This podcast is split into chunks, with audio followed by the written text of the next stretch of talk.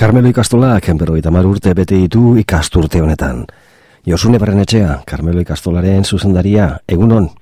Egunon, egunon, tioi. Lehenik eta behin, zorionak. Ezkerrik asko.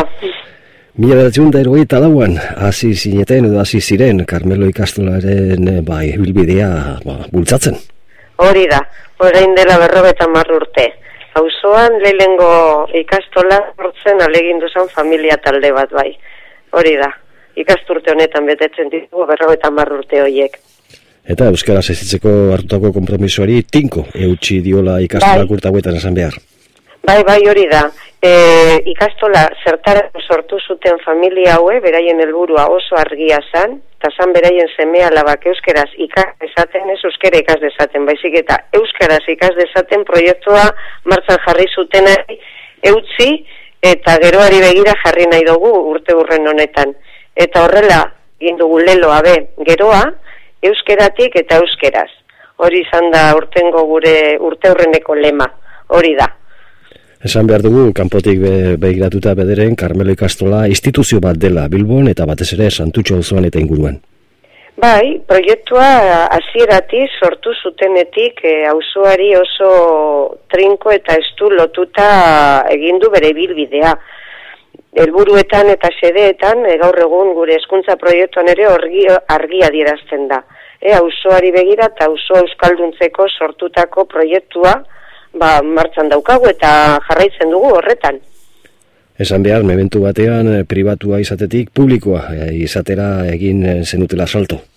Bai, hori apostu bat izan zen, bere garaian, e, nola edo nondik izan zitekeen, e, ba, guk lan hori aurrera egiteko bidea, ez da, ukeratu behar izan genuen, zein zaretan kontzertatuan, o deitunpeko ikastetxe bezala jarraituz, edo sare publikotik eh, lan eginez, eta bere garaiko ba, kolektiboak eta kooperatibistak zirenak, ze garai horretan horrendi kooperatiba basan ikastetxea, Carmelo ikastola, ba, autu hori egin zuen, eta arrezkero, sare publikoan egon arren, guk geuriari eutzi diogu, eta aurrera eusteko, eta begira jarrita dugu proiektua gaur egun ere. Eta urten ilusio bereziarekin, ikastola haunditu egin da. E, bi amasei urteko proiektu ikastetze integrala gara ikasturtenetatik aurrera. Eta horrek asko posten gaitu. Erronka berri honi eutzi eta aurrera egiteko gogoz ari gara. Carmelo ikastola beti santutxu auzoarekin lotzen dugu, baina zan behar dugu soloko etxen edo larregarun ere bazarete.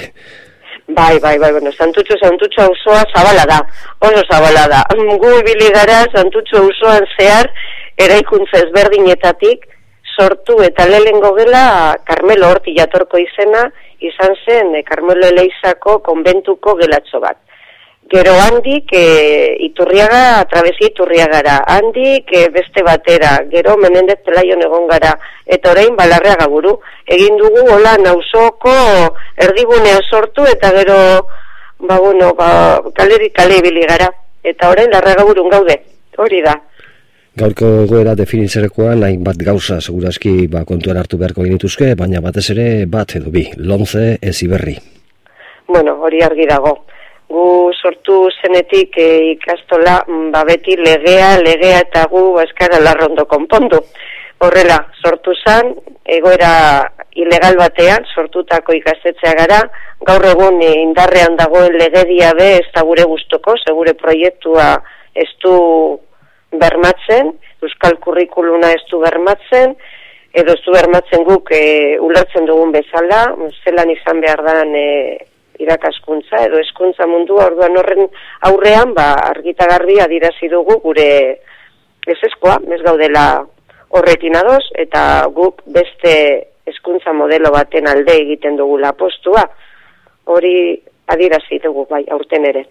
Hain zuzen, azte honetan agertu dira, ba, besteak beste el Carmeloko hainbat guraso, ba, froga famatu horren aurka. Bai, bai, horre, bueno, gu gara hor movimendu baten parte, eh? gu eskara intzindari eta bultzatzaile bez. Hor guraso elkartetatik, datorrena eta bidetik, bargi dago, ba, gurasoen gustokoa ez tala, gurasoak ez dutela nahi beraien semea labek edugarren maian froga hori egiterik, eta guk hemen ikastolan e, kolektibo osoak ere horrela ikusten dugu. Horren behar izanik ez da ikusten, eta olako derrigorra izatetik are gutxiago. Dena den enpresa dute, berroita margarren urte horrena ospatzeko. Okeres Bai. mobil gaur bertan hasiko zarete. Gaur hasiko dugu. Bueno, egia esateko lehenengoko kukutxoa egin genuen euskararen egunean. Eh, lehenengo txupine hor bota genuen eta pankarta zabaldu genuen ikastolako fatxadan. Baina bereziki ospakizunei hasiera gaur emango diegu.